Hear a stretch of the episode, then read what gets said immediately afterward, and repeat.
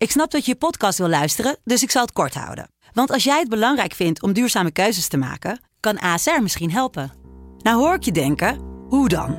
Nou, bijvoorbeeld bij het duurzaam herstellen van schade. Of de premies die we beleggen volgens ons duurzaam beleggingsbeleid. Dat bepaalt waar we wel en juist niet in investeren. Wil je meer weten over welke duurzame keuzes ASR maakt? Ga dan naar asr.nl slash duurzame keuzes. ASR doet het. Zo, dan kan je nu lekker naar je podcast luisteren. Joost Klein is gonna represent the. Who the fuck is this guy? Joost Klein is een veelzijdig man. Rapper, muzikant, netwerker, stijlicoon, marketeer, wereldbestormer, schrijver. In de podcast Joost Klein 12 points belichten we het fenomeen Joost aan de hand van 12 punten. Joost Klein, doe de point. Joost de Klein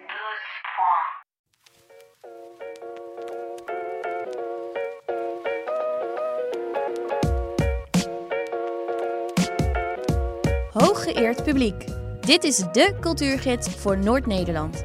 In deze podcast leiden redacteuren van Dagblad van het Noorden en Leeuwarden Courant je door het kunst- en cultuuraanbod van Drenthe, Friesland en Groningen. Dames en heren, welkom bij Hooggeëerd publiek. Daar zijn we weer vanuit de studio in Groningen met achter de knoppen Esther van der Meer en achter de microfoon Joep van Ruiten, dat is mijn stem. En tegenover mij Kirsten van Santen. Kirsten, ik, eh, ik doe de boeken bij eh, Dagblad van Noorden en eh, dan krijg je allerlei brochures onder ogen. En wat zag ik? Ja. Waterpakken. Een zwemgeschiedenis. De eerste Nederlandse, het eerste Nederlandse literaire zwemboek. Geschreven door Kirsten van Santen. Dat verklaart wellicht waarom jij er eventjes niet was. Of niet?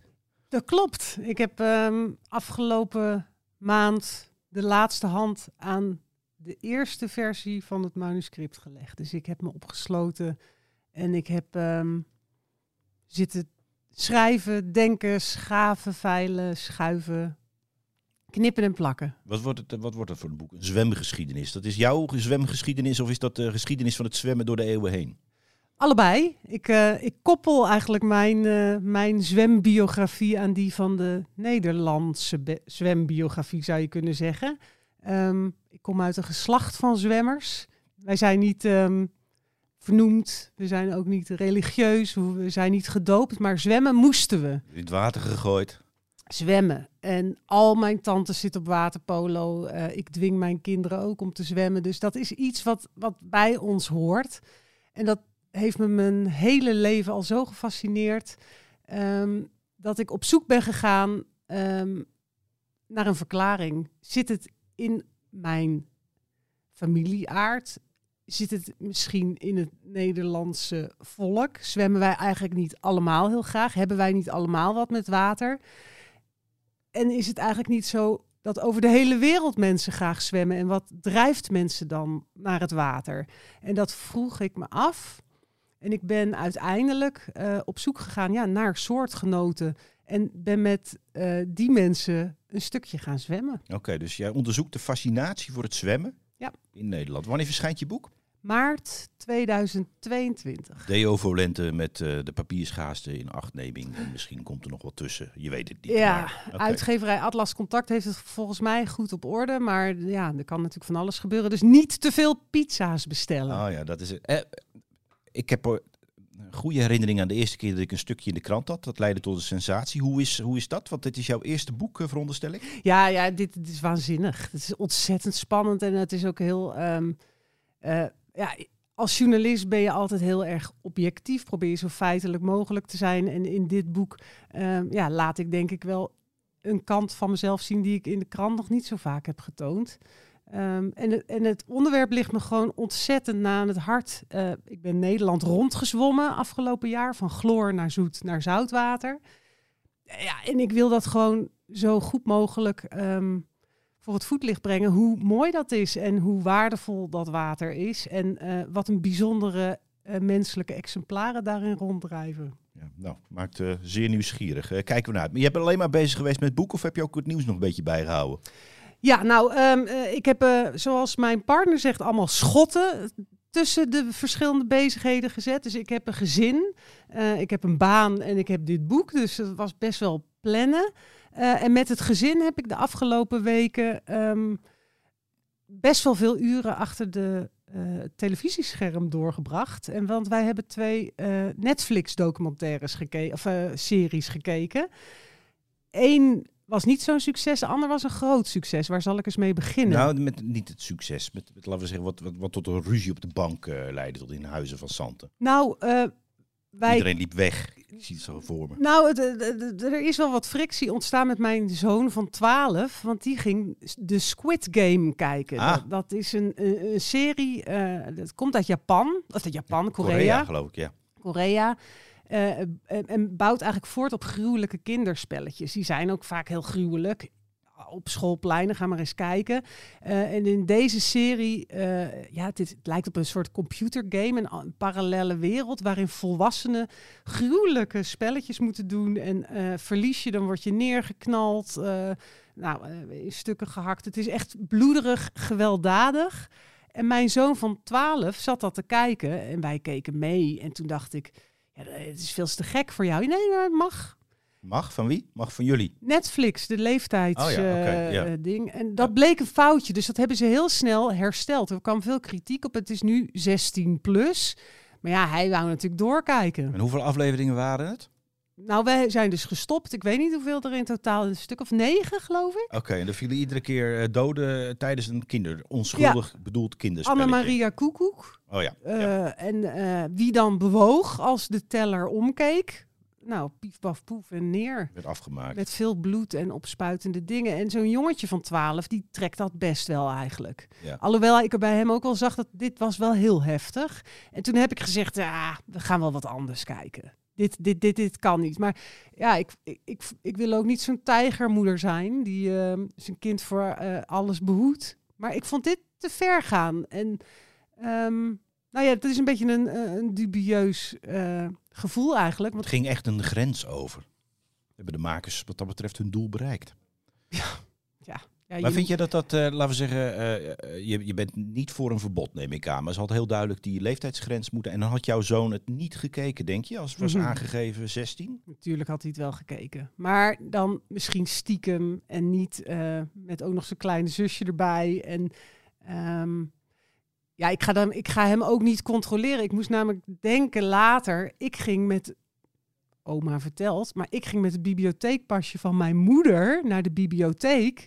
En dan ging ik griezelverhalen van Stephen King en Edgar Allan Poe halen. We hebben het over de jaren tachtig nou. En ik, ik verlustigde me gewoon helemaal aan die, eh, aan die eh, lugubere verhalen. En Dus zie eens wat er van jou geworden is. ja, het is toch nog wel goed gekomen. Dus we kunnen een stootje hebben als mens. Een ander ding wat we dus bij Netflix, dat was een groter succes, eh, hebben we zitten kijken. Dat was de serie Sex Education. Oh ja. ja, die heb ik ook gezien. Ja, nou, Het is het tweede of derde reeks, ik weet het niet eens. maar ontzettend ja. leuk hè?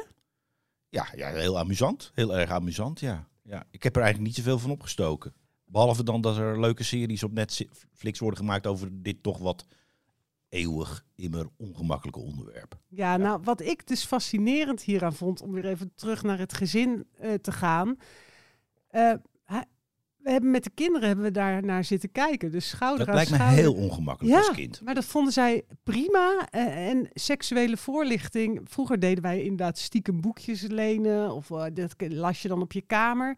En nu zaten we met z'n allen zaten we heel gezellig naar ja, allerlei soorten seks en genderzaken zaten we te kijken. En daar hadden ze helemaal geen moeite mee. En dat vond ik eigenlijk wel, eh, ja, dat gaf wel wat lucht. Het was eigenlijk heel eh, goed, want we, we spraken over van alles. En ehm, ehm, het werd heel open en heel makkelijk werd het onderwerp er eigenlijk van. Dus het geheimzinnige ging er wat vanaf. Oké, dus je bent er wel voor dat er, eh, laten we zeggen, programma's over seks worden gemaakt, leeftijdsloos. En eh, geweld liever niet. Dat concludeer ik er een beetje Ja, uit. nou doe maar. Concludeer dat maar. Oké, Concludeer dat maar. Ja, Ehm, ja ik eh, ben eerlijk gezegd nog een beetje verslag van het overlijden van Anton Valens. Afgelopen zondag eh, overleed deze in Paterswolde ehm, eh, geboren schrijver. En ik heb niet al zijn boeken gelezen, maar ik denk vier van de zes. En het was echt een heel bijzondere schrijver. Daar stond ik eigenlijk helemaal niet zo. Ik wist wel dat hij ziek was. Hij had, had al een aantal jaren kanker.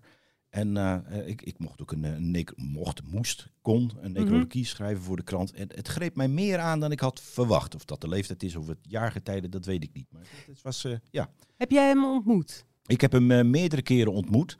De eerste keer was bij zijn debuut. Nou, toen had ik hem telefonisch aan de lijn. En hij kwam helemaal niet uit zijn woorden. En ik kwam ook niet uit mijn woorden. Mm. Dat was een heel hakkelig gesprek. Maar dat kun je op papier altijd nog wel een beetje repareren. Maar toen had ik al door dat het een, eh, een, eh, een man was met een dunne huid, zoals dat heet.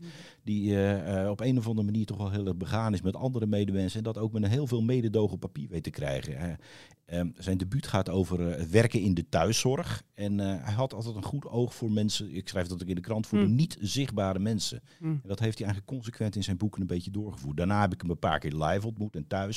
Het was een beetje ongemakkelijk. Een beetje, ik denk, van, is, klopt dit wel? Is, deze, is hij wel normaal? Nou, ik ben inmiddels al achter dat niemand normaal is. Maar dit was wel een speciaal Maar, geval. maar hoezo dacht je dat? Was hij verlegen? Hij Of- was verlegen, hij was bedeesd en hij was totaal niet uit op een soort eh, eh, makkelijke verkooppraat of eh, om zichzelf te promoten. Je zag hem tijdens het gesprek ook gewoon worstelen met de antwoorden die hij probeerde te geven op de, nou ja, misschien soms wat ingewikkelde of lastige of totaal niet de zaken doende vragen die ik hem stelde.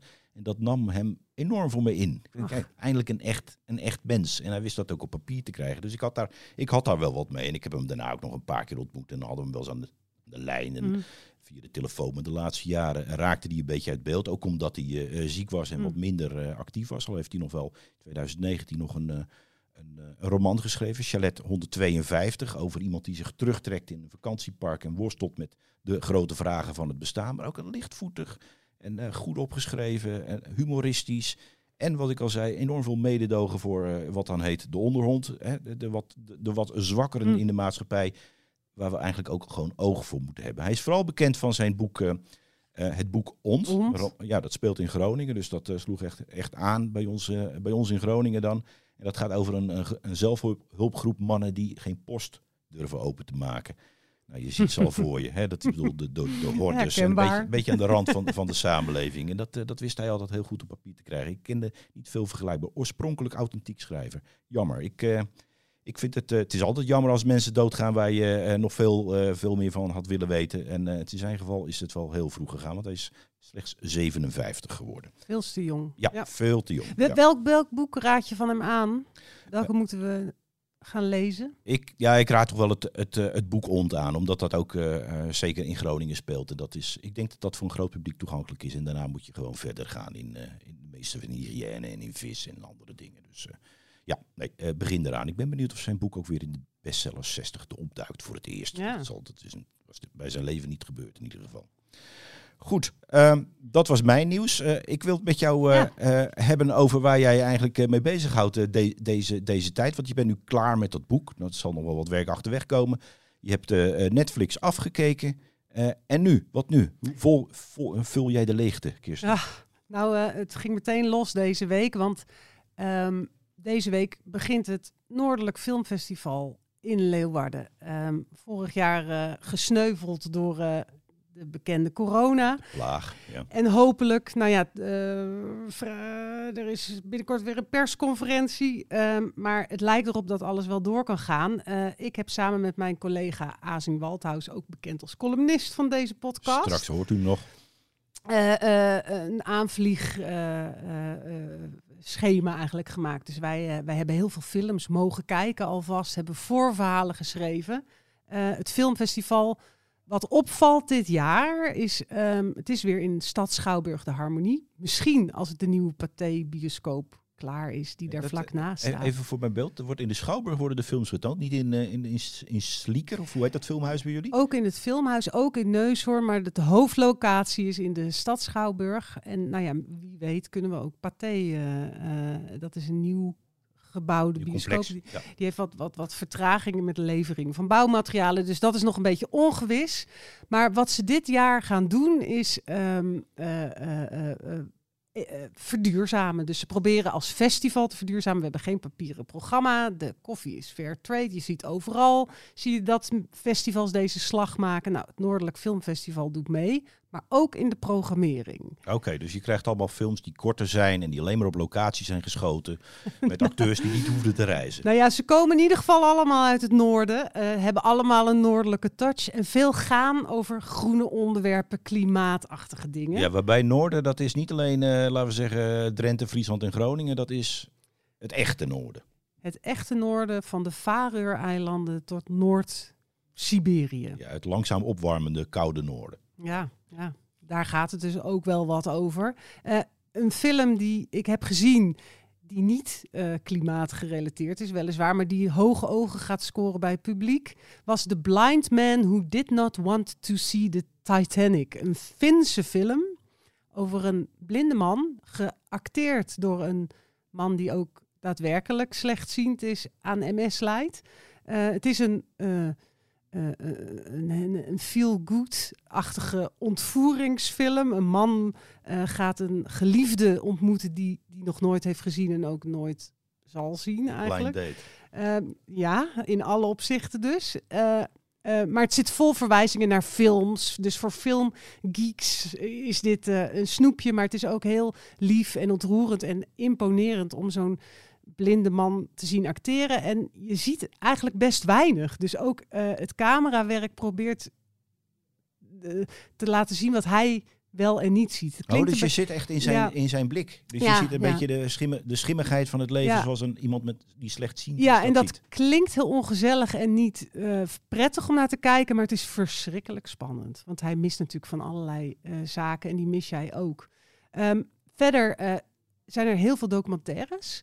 Eh, en die, vooral die documentaires gaan wel over eh, eh, de ecologische vraagstukken waar wij voor staan. Eentje is bijvoorbeeld de Journey to, to Utopia, waarbij een Noors gezin in een Deens ja, soort commune-achtig project gaat wonen. Laat een nieuw huis bouwen. Ehm, maar de vader van het gezin heeft eigenlijk wel wat twijfels. En je ziet dus, hij filmt alles. Hij filmt zijn eigen gezin met vooral de moeder die enorme groene idealen heeft. En die wil dit echt. Eh, maar dat huis komt niet af. En het is één blubberbende. En eh, ja, het is ook wel eh, een beetje schrikken wat een zuurpruimen daar in dat communeproject rondlopen. En wat voor een wissel de klimaatveranderingen trekt op een gezin, dus blijkbaar. Ontzettend. Dus eh, het grote en het kleine zie je in zo'n eh, documentaire bij elkaar. Ehm, tot slot, want ik kan er heel veel. eh Ja, want hoeveel films draaien er? Ik heb ze niet geteld, maar het, moeten een stuk of 30, eh, Oké. 40 eh, zijn. Maar ehm, eh, een van de mooiste, ik ga het proberen goed uit te spreken, is de documentaire Eatna Meamet. Ah, dat klinkt als Sami. Zullen we eens even luisteren hoe Sami klinkt? Dat lijkt me heel goed. Muistelus min piirraalkä Vietnamis.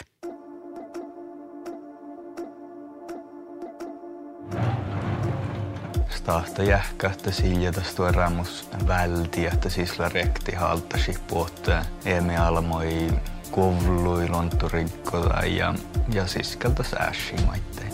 Suomi tukee Jäämeren radan sitä, mikä... Ik herken geen woord. Ik herken helemaal niets. Je herkent de klanken als zijnde Scandinavisch. Hè? Beetje, beetje IJslands misschien. Misschien de Fins. Maar echt, ik herken geen, geen enkel woord. Nee, volgens mij is het eh, de origine van deze Sami-taal Fins-Hongaars en behoort tot een van de moeilijkste taalstammen van de wereld. Je kan er echt geen taal aan vastknopen. Ik vind het heel smakelijk klinken. Ehm, het is een documentaire van een Samische filmmaakster, Suvi West. Ik heb met haar gebeld voor een verhaal in de krant. Eh, eh, zij wilde een film maken over wat ze eigenlijk Fins kolonialisme noemt. Eh, Finland bestaat nog maar 100 jaar als zelfstandig eh, staat. En in die 100 jaar hebben de Finnen het Samische landgebied, een nomadisch volk, wat door heel het noorden verspreid leeft, zich toegeëigend. Dus, oh, zoals de Nederlanders hebben gedaan met Friesland, zeg maar. Ja, zo zou je. Sommigen zouden het met je eens zijn nu. Maar ehm, eh, eh, die Sami die waren voor hun eh, leven afhankelijk van het land. En dat land is geprivatiseerd. Er komen toeristische huisjesparken. er komt een Arctic Railway, hè, toen zij aan het filmen was, door hun land. Waardoor rendierherders hun kuddes, ja, die, die worden door die treinen natuurlijk platgereden.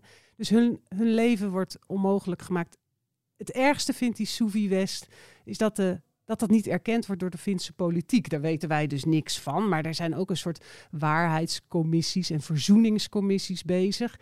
En het woord sorry vinden ze nog heel erg moeilijk om te zeggen tegen die Sami-bevolking. Oh, speelt dit eh, binnen de Europese gemeenschap niet? Is dit geen onderwerp wat eh, eh, ja, in, in Brussel ook wordt geagendeerd en zeggen beschermde Sami? Ja, daar, daar zijn zij dus echt nu voor aan het knokken. En, ehm, eh, maar zij trekken het eigenlijk ook wel wat breder. En ook in deze documentaire van... kun je land eigenlijk bezitten? Dus ehm, eh, eh, moeten we niet eh, in plaats van steeds meer hekken... om, om grondgebied heen te zetten... moeten we niet hekken weg gaan halen?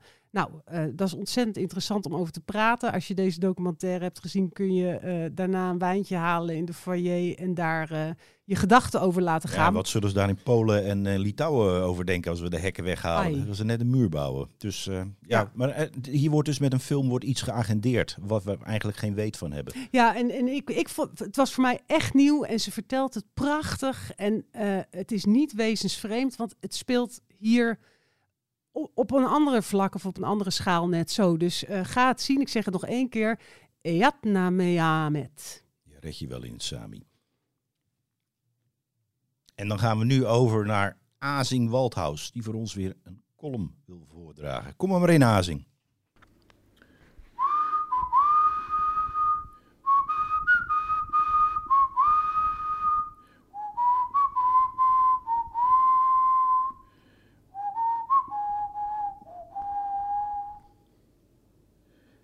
De hele week heb ik in de werkagenda gezet geen nieuwe afspraken inplannen, zei H.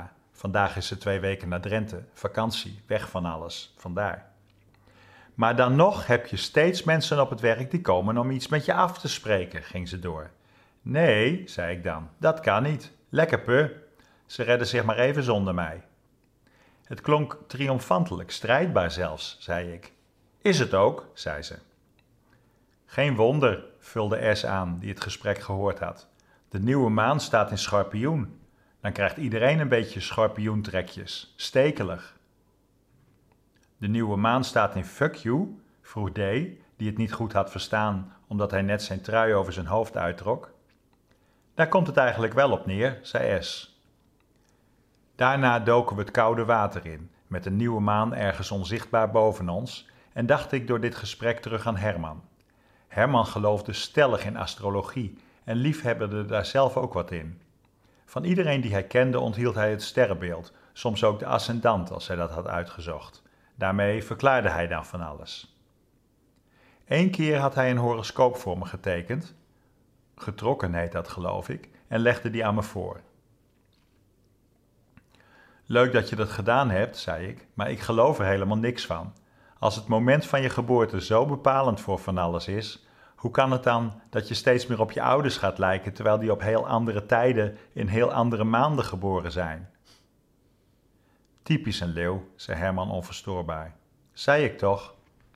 Ja, Kirsten. Hebben we, Leeuwarden Krant, heeft hij nog een horoscoop? Nee, nee. Dat is eigenlijk jammer, hè? Ja, dat is wel heel erg jammer. Ik herinner mij dat hij bij Dapper Valdoren werd afgeschaft en dat mensen inderdaad op hun achterste benen stonden. Ja. Dat vonden ze echt iets vreselijk. Maar ze wisten niet hoe dat ding af en toe tot stand kwam. Soms dan was de horoscoop niet geleverd.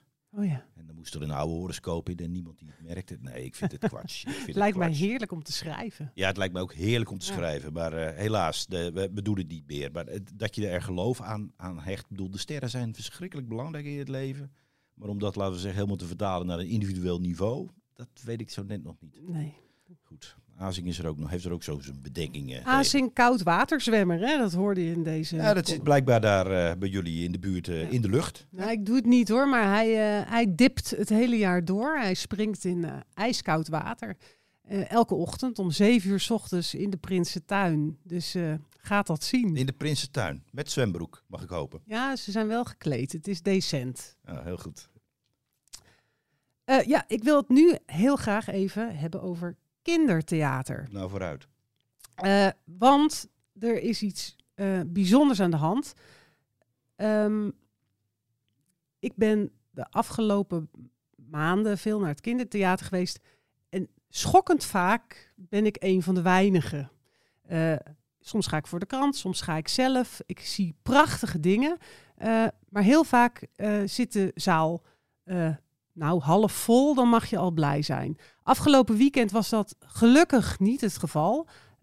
Toen, alhoewel het nog steeds niet uitverkocht was, toen stond Jetse Batelaan, theatermaker, met het einde van het begin van het einde. Een knotsgekke voorstelling in de harmonie.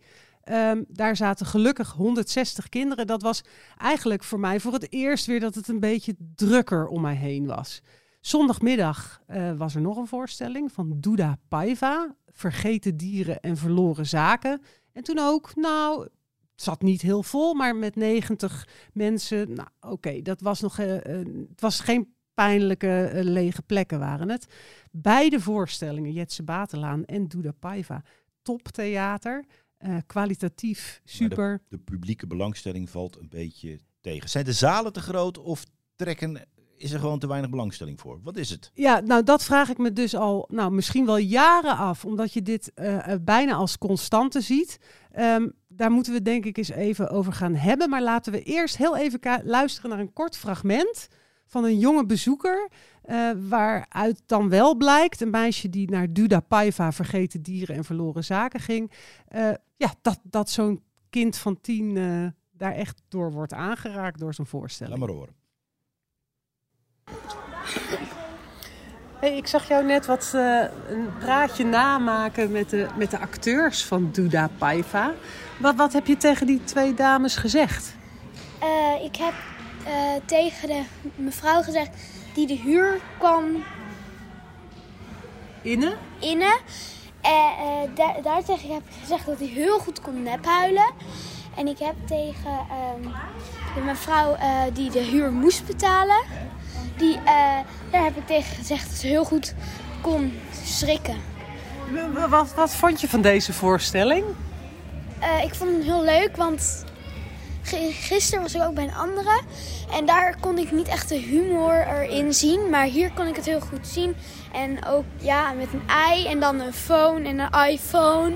Hey, kan je eens kort vertellen waar dit over ging? Dat als kinderen die nou naar deze podcast luisteren, eh, eh, kan je ze aanbevelen om te gaan of moeten ze vooral niet gaan? Nou, eh, ik zou zeggen, eh, lekker gaan. Het is echt een hele leuke. Het gaat over dus een mevrouw die heeft een dierenwinkel met allemaal hele bijzondere dieren. Ook dieren die zijn uitgestorven. En eh, ja, het is echt een hele leuk, ja, echt een hele leuke voorstelling. Nou, kinderen allemaal laaiend enthousiast. Ehm, en dit had dus ook al redelijk bezocht, best wel wat meer eh, publiek verdiend. Dan doen die theaters hun werk waarschijnlijk niet goed. Zullen we daar eens even over praten met eh, Jelle van der Meulen, programmeur van de Harmonie. Als het goed is, hangt hij nu aan de lijn. Nee, nog niet. Eh, de techniek gaat hem even proberen te bereiken. Je zou je namelijk. Nou, we gaan toch even proberen. Met Jelle. Hey Jelle met Kirsten van Santen. Hallo, Van-. Hallo, hallo. Hey Jelle, eh, we, we hebben net eventjes eh, naar een, eh, een junior recensie geluisterd van Duda Paiva. Mhm. Ehm, de zaal zat afgelopen zondag redelijk vol, maar nog steeds niet lekker uitverkocht. Ik zit hier met Joep van Ruiten te praten en wij zeggen tegen elkaar, waar komt dat nu toch door? Ehm, misschien omdat onze eh, samenleving jeugdtheater een beetje kinderachtig vindt soms. Aha, is dat terecht? Dus, dus, dus, dus, nee, dat, oh, dat is zeker niet terecht. En het is ook een. eh, ik weet ook niet of het waar is wat ik zeg. Mhm. Ehm, maar eh, ik denk dat er wel een, een wat hogere waardering voor jeugdtheater mag zijn soms. Is, was, was dat er vroeger wel of is dit iets van alle tijden? Dat dat gewoon wat minder wordt gewaardeerd? Dan vraag je mij iets over vroeger, terwijl ik zelf best wel jong ben. daar, daar, daar durf ik niet zoveel over te zeggen. Ehm, nee, nee, nee, geen idee of, of- hoe, dat, hoe dat vroeger was. Kijk, het, eh, je hebt op dit moment in jeugdtheater best wel een duidelijke eh, tweedeling. Je hebt het, het super commerciële jeugdtheater. Hè, dan heb je het over de Woezel en Pips. En over eh, nou, wat we noemen, een, een Nijntje, eh, wat overigens wel heel mooi is, maar wat, wat wel eh, echt commercieel gericht is. En je hebt het wat artistiekere jeugdtheater. En je merkt dat het, het commerciële jeugdtheater het heel goed doet. Eh, dat er ook producenten zijn die daar heel goed mee bezig zijn, die hun best doen om dat zo mooi mogelijk te maken, maar die dat wel met, met die commerciële insteek doen. En de kleinere gezelschappen die de wat artistiekere voorstellingen maken, ja, die, die hebben het echt wel lastig om publiek te vinden. En door die, die grote concurrentie van dat commerciële, wat ook nog eens dan vaak gelinkt is aan film of televisie of games of wat dan ook, uh, ja, dan is het moeilijk tegen opboksen. Ja. Hoe, wat doen jullie daar zelf als theater aan om dat kleinere theater toch onder de aandacht te brengen? Uh, in ieder geval het programmeren. Dus niet zeggen van nou, uh, het is moeilijk om publiek bij te vinden, dan doen we het maar niet. Uh, nee, wij, wij, programmeren dat wel. Omdat we daar ook wel een duidelijk doel mee hebben en dat we denken dat dat een bepaalde maatschappelijke waarde heeft. Um, en daar gaan we dan telkens gewoon op zoek naar een publiek. En dat kan dan op basis van, uh, van een specifieke thematiek in zo'n voorstelling. Of dat kan op basis van dat de voorstelling gewoon heel goed is en iets oplevert voor het publiek. Um, maar het belangrijkste is het gewoon blijven neerzetten. Ja, je zegt je gaat op zoek naar publiek. Uh, uh, moet je niet met bussen bepaalde wijken van de stad ingaan of dorpen en gewoon kinderen ophalen? Want is die afstand, die drempel niet te groot en te hoog? Nou, dat zou maar zo kunnen. Dus dat zijn ook wel dingen waar we over nadenken. Een schouwburg heeft van oudsher natuurlijk best wel een drempel. Zeker voor bepaalde bevolkingsgroepen. Voor wie theater juist een enorme verrijking in het leven kan zijn. Um, en ja, die, als die drempel niet geslecht kan worden in, binnen ons gebouw, dan moeten wij soms ons gebouw uit. Ja. en dat kan soms betekenen dat wij mensen op zullen moeten halen om uh, naar ons gebouw te gaan. En soms zal dat betekenen dat wij naar mensen toe gaan. Ja, dat kan zeker. Dat doen jullie ook al? Gebeurt dat? Uh, nog niet. Heeft ook mee te maken natuurlijk, we komen nu net uit de, uh, de hele coronatijd waarin we helemaal niks konden doen. Uh, of tenminste heel weinig konden doen met, met publiek. Dus, maar dat is een uh, ambitie waar wij heel erg mee bezig zijn om, om die te vormen. Dus dat verwacht ik wel dat dat op niet al te lang termijn wel gaat doen, zulke dingen. Hey, maakt de prijs van een kaartje dan nog veel uit? Is het, is het te duur voor, voor sommige mensen? Ehm, ja, dat, dat denk ik zeker. Ehm, wat ik net al zei, er zijn bepaalde bevolkingsgroepen voor wie theater uh, heel erg uh, verrijking zou kunnen zijn van hun leven, maar voor wie dat eigenlijk totaal niet toegankelijk is. Dat, zie je bij, bij het volwassenentheater, maar dat zie je zeker ook bij het jeugdtheater. Want denk je maar eens in als je een gezin hebt met meerdere kinderen en je leeft van een minimuminkomen.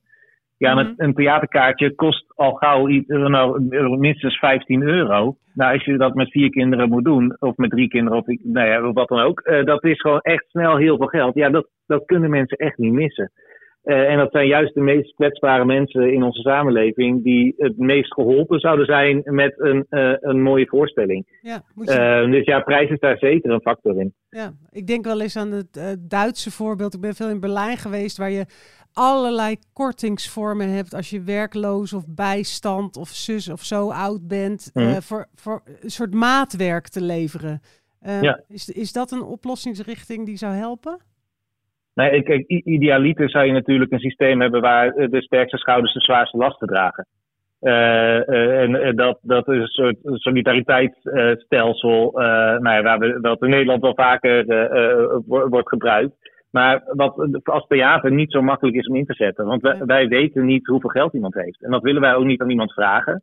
Dat kunnen wij ook niet aan iemand vragen. Dat, iemand kan het ook niet aan ons bewijzen.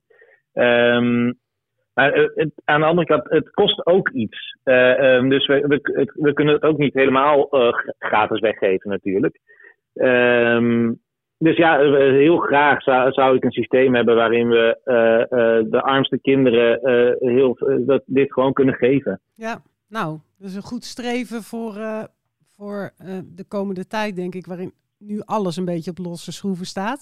Um, ja, nou ja, maar, maar het, is ook het staat niet alleen op losse schroeven, maar of dat het op losse schroeven staat, is ook een mogelijkheid om uh, dingen te veranderen. Ja. En zo, zo grijpen we, proberen we deze tijd wel aan te grijpen om, om dingen soms even helemaal nieuw te bekijken. Ja, mooi. Hey, uh, uh, um, uh, om een beetje naar een afronding toe te gaan. jij als programmeur, um, waar kijk jij naar uit als je nu eh, de komende maanden voor je ziet liggen? Wel, kan je ons iets eh, aanbevelen? Oeh, dat, dat, is een ge- gewetensvraag. Maar natuurlijk, eh, het liefst eh, beveel ik alles aan, aan wat, we, eh, wat we hebben staan. Ik, ik ga eens even gewoon kijken wat wij eh, de komende tijd nog in ons programma hebben. We hebben eh, nou, wat ik heel erg leuk vind, eh, is eh, Poppetje van Papier.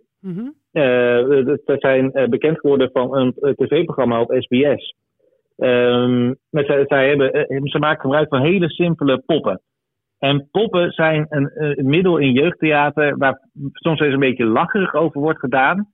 Maar als je een pop op een goede manier inzet, kan dat zoveel triggeren eh, eh, in de fantasie van een kind. Zo'n zo pop eh, is een heel, kan een heel simpel object zijn, wat door dat goed te bespelen helemaal gaat leven in iemands belevingswereld. En dat kan, kan bij een kind werken, maar dat kan bij een volwassene net zo werken. Je hebt het net, het is net over Doeda Paiva gegaan. Daar heb je dat natuurlijk in Ja. bij gezien. Doeda Paiva is helemaal bezig met, met nou, hoe kan ik nou een, een eigenlijk levenloos object leven geven. Ja. Nou, dat, dat, en dat ga je dus bij Popje van Papier ook zien. Wanneer is En dat waar te ik ook zien? he- ehm, even kijken, dat is op 5 januari.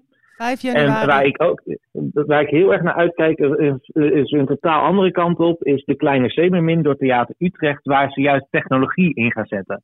Eigenlijk een combinatie van, van, van een live spel, er zit een beetje objecttheater, poppenspel in en technologie. En dat is volgens mij een supergoeie om eh, met jonge eh, mensen naar te gaan kijken. Want technologie is al onaanwezig in ons leven, maar heel weinig in de kunst. Mooi. En daar ga je een hele mooie combinatie daarvan zien. En wanneer is die voorstelling te zien? Die is 9 februari.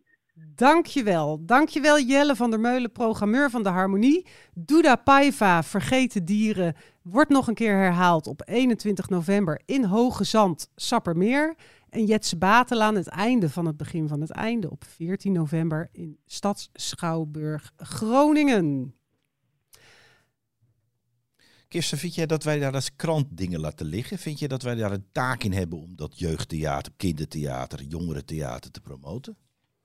Nou ja, ik neem het mezelf wel heel erg. Ik trek het mezelf wel heel erg aan. Ehm, ik als recensent, eh, als, ik, als ik zoiets moois zie, als bijvoorbeeld die Jetse Batelaan, die echt zoiets origineels maakt. En er staan tien man eh, eh, hele mooie werelden te verbeelden op het podium. En je zit er met z'n twintigen naar te kijken. Dat is zo gênant. En het klopt, er klopt dan iets niet. Ik heb geen taak om kaartjes te verkopen. Maar ik vind het fenomeen dat er dus mooie dingen zijn die niet hun publiek vinden. Dat vind ik razend interessant om over te schrijven. En daar maak ik me ook wel druk om. Want ik denk, wat, wat schort er dan aan? Eh, doen de theaters wat fout? Eh, doen wij als media, moeten wij meer eh, op de trom roffelen? Hè? Kindertheater is toch vaak wel wat een ondergeschoven kindje. Of is er iets mis bij het publiek? Nou, dat heeft waarschijnlijk ook wel te maken met hoe de samenleving in elkaar zit. We zien natuurlijk wel dat mensen tientallen euro's uitgeven om een musicalvoorstelling te bijwonen. Of naar een popconcert, honderden euro's om een popconcert bij te wonen. Maar als ze dan 15 euro moeten neerleggen voor een theatervoorstelling in de buurt, dan denken ze van, nou, boah, laat maar gaan of zo. Dat daar, is, eh, ja, daar zit ook iets. eh, eh, hier komen we nog een keertje op terug. Ja, dit is het laatste woord, is hier nog niet over gezegd. Maar jij komt, eh, denk ik, de laatste tijd je leesstoel niet uit, hè? Want er zijn allemaal mooie gratis boeken. Ja, nou ja, ik heb het vaker gezegd. Hè. Meid, mensen, lees een boek. Eh, dat is eh, altijd goed. En dat is nu in deze periode helemaal goed. Maar Nederland leest is begonnen. De campagne om met behulp van boeken gesprekken op gang te brengen. Het is een, eh, een campagne die al een aantal jaren loopt, sinds 2012. En dan neemt men meestal een, een boek wat al een tijdje geleden is verschenen. Dat brengt men onder de aandacht. Wordt, via bibliotheken wordt het dan gratis uitgedeeld. En dan hopen, ja, dan hopen de, de, de initiatiefnemers, CPNB-bibliotheken, dat mensen met elkaar in gesprek gaan over het boek. Nou, dit jaar is gekozen voor De Wandelaar van Adriaan van Dis. Adriaan van Dis is natuurlijk een bekend schrijver. De Wandelaar is een uitstekend boek overigens. Ik heb het een aantal jaren geleden, heb ik het toen het net uitkwam, eh, eh, gelezen. Het, het vertelt over eh, een, een meneer Mulder die door Parijs wandelt en door zijn hondje eigenlijk de buitenwijken in wordt gesleurd. En daar wordt meneer Mulder geconfronteerd met het vluchtelingenprobleem. Aha. Dus dat is een onderwerp dat is altijd al actueel geweest en het is nu nog steeds actueel. En ja, blijkbaar eh, hoopt men dat wij daarover in gesprek gaan. Maar nu heb ik al die jaren nog nooit meegemaakt dat ik op straat of waar dan ook werd aangesproken van goh, Ik heb dat boek van Nederland leest, eh, heb ik gratis eh, weten te krijgen. Van, zullen wij het daar eens eventjes over hebben? Of ik ben nu op bladzijde 144, vind je het ook niet verschrikkelijk spannend? Nog nooit. Dus ik heb wel twijfels of het wel werkt, die campagne. Het is van oorsprong een Scandinavisch initiatief, bedoeld voor de sociale cohesie. Maar je kunt je afvragen of dat wel helpt. En er wordt ook wel heel veel makkelijk gratis weggegeven. Want het is een gratis boek. Er is nog een, eh, deze week ook een boek van Jeu Nesbeu. Dat wordt door de boekhandel Ja. eh, gra- Nou ja, niet helemaal gratis. Bij aanschaf Ja, van een paar 15 euro. euro. dan krijg je nog een gratis boekje erbij. Het voorjaar doen ze dat natuurlijk ook. Werkt dat wel? Ik vraag het me af of mensen inderdaad wel over boeken met elkaar willen praten. Merk jij dat? Eh, ja, ik praat met jou over boeken. Ik praat ehm, met mijn vader over boeken.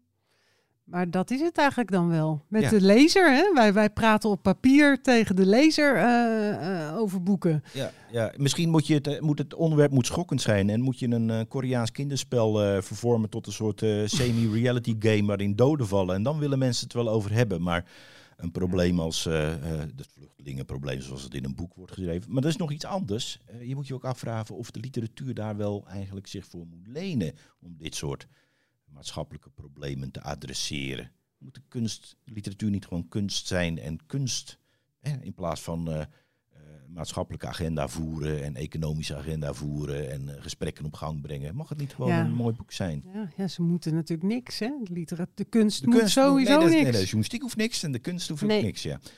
Ik wil even daarop aan. Er is nog een, een, een junior leest. En dat is dus een eh, campagne die richt zich op, eh, op, nou, op eh, de, de bovenbouw van de, van de basisschool en op het VMBO.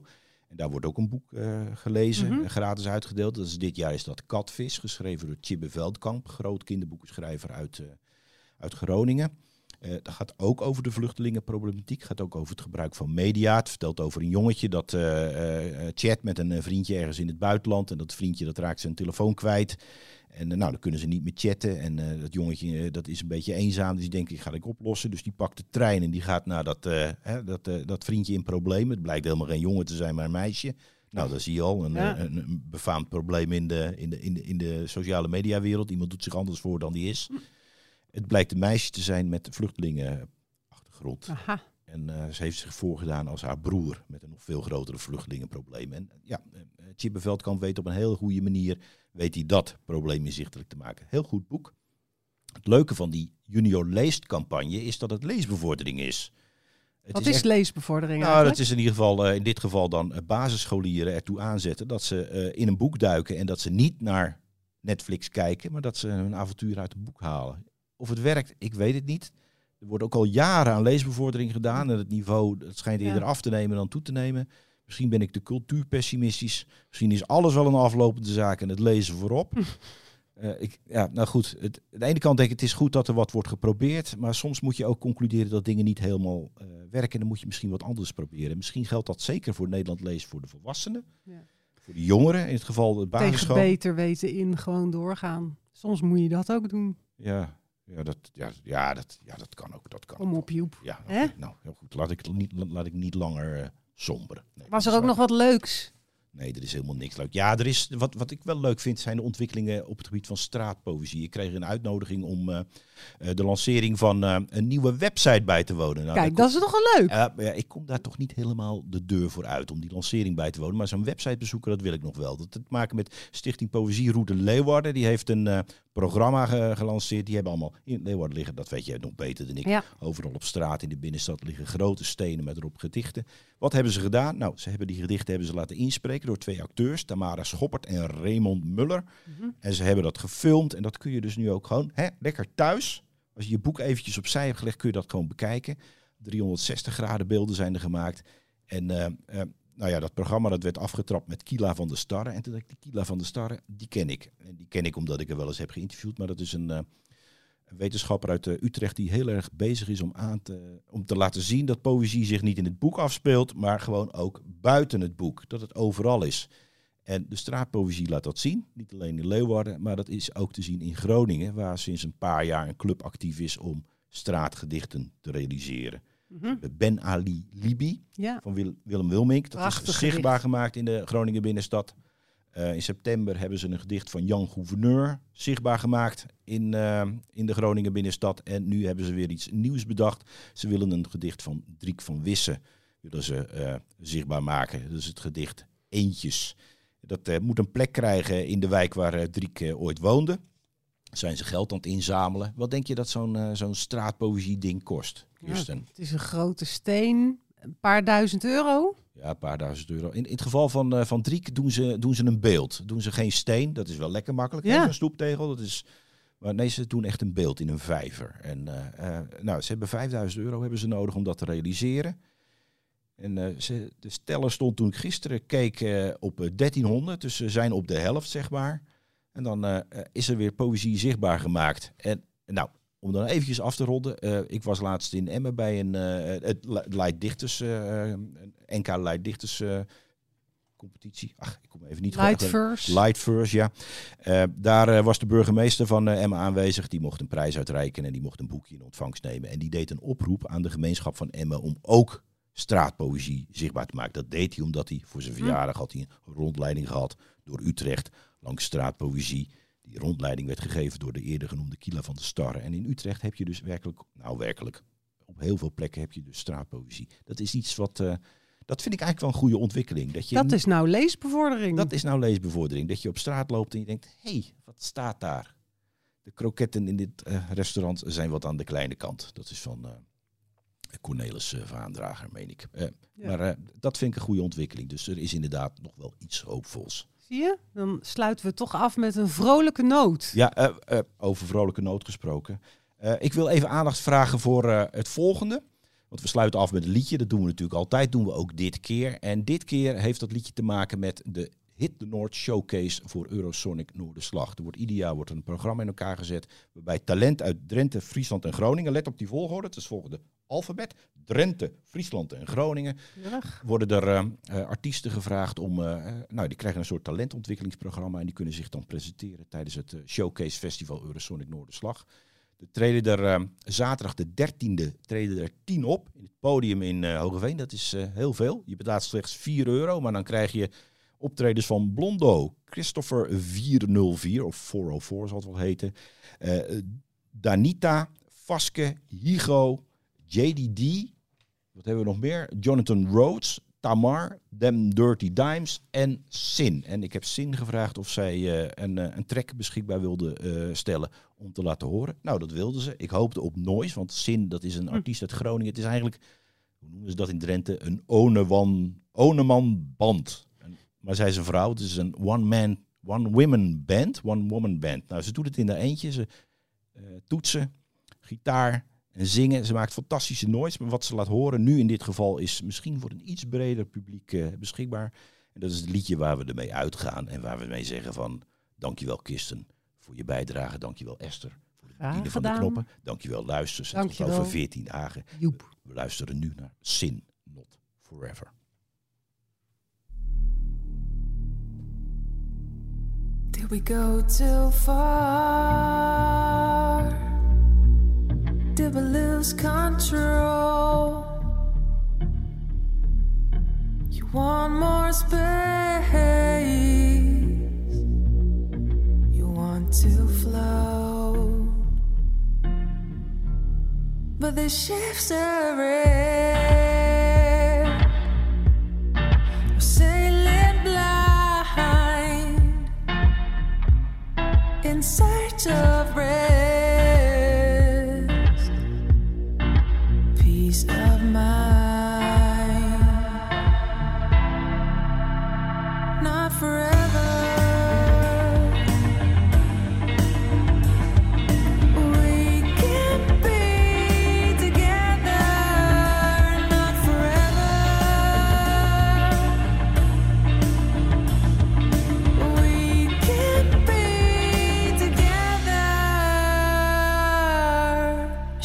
take the wheel to get us back on track? You need the open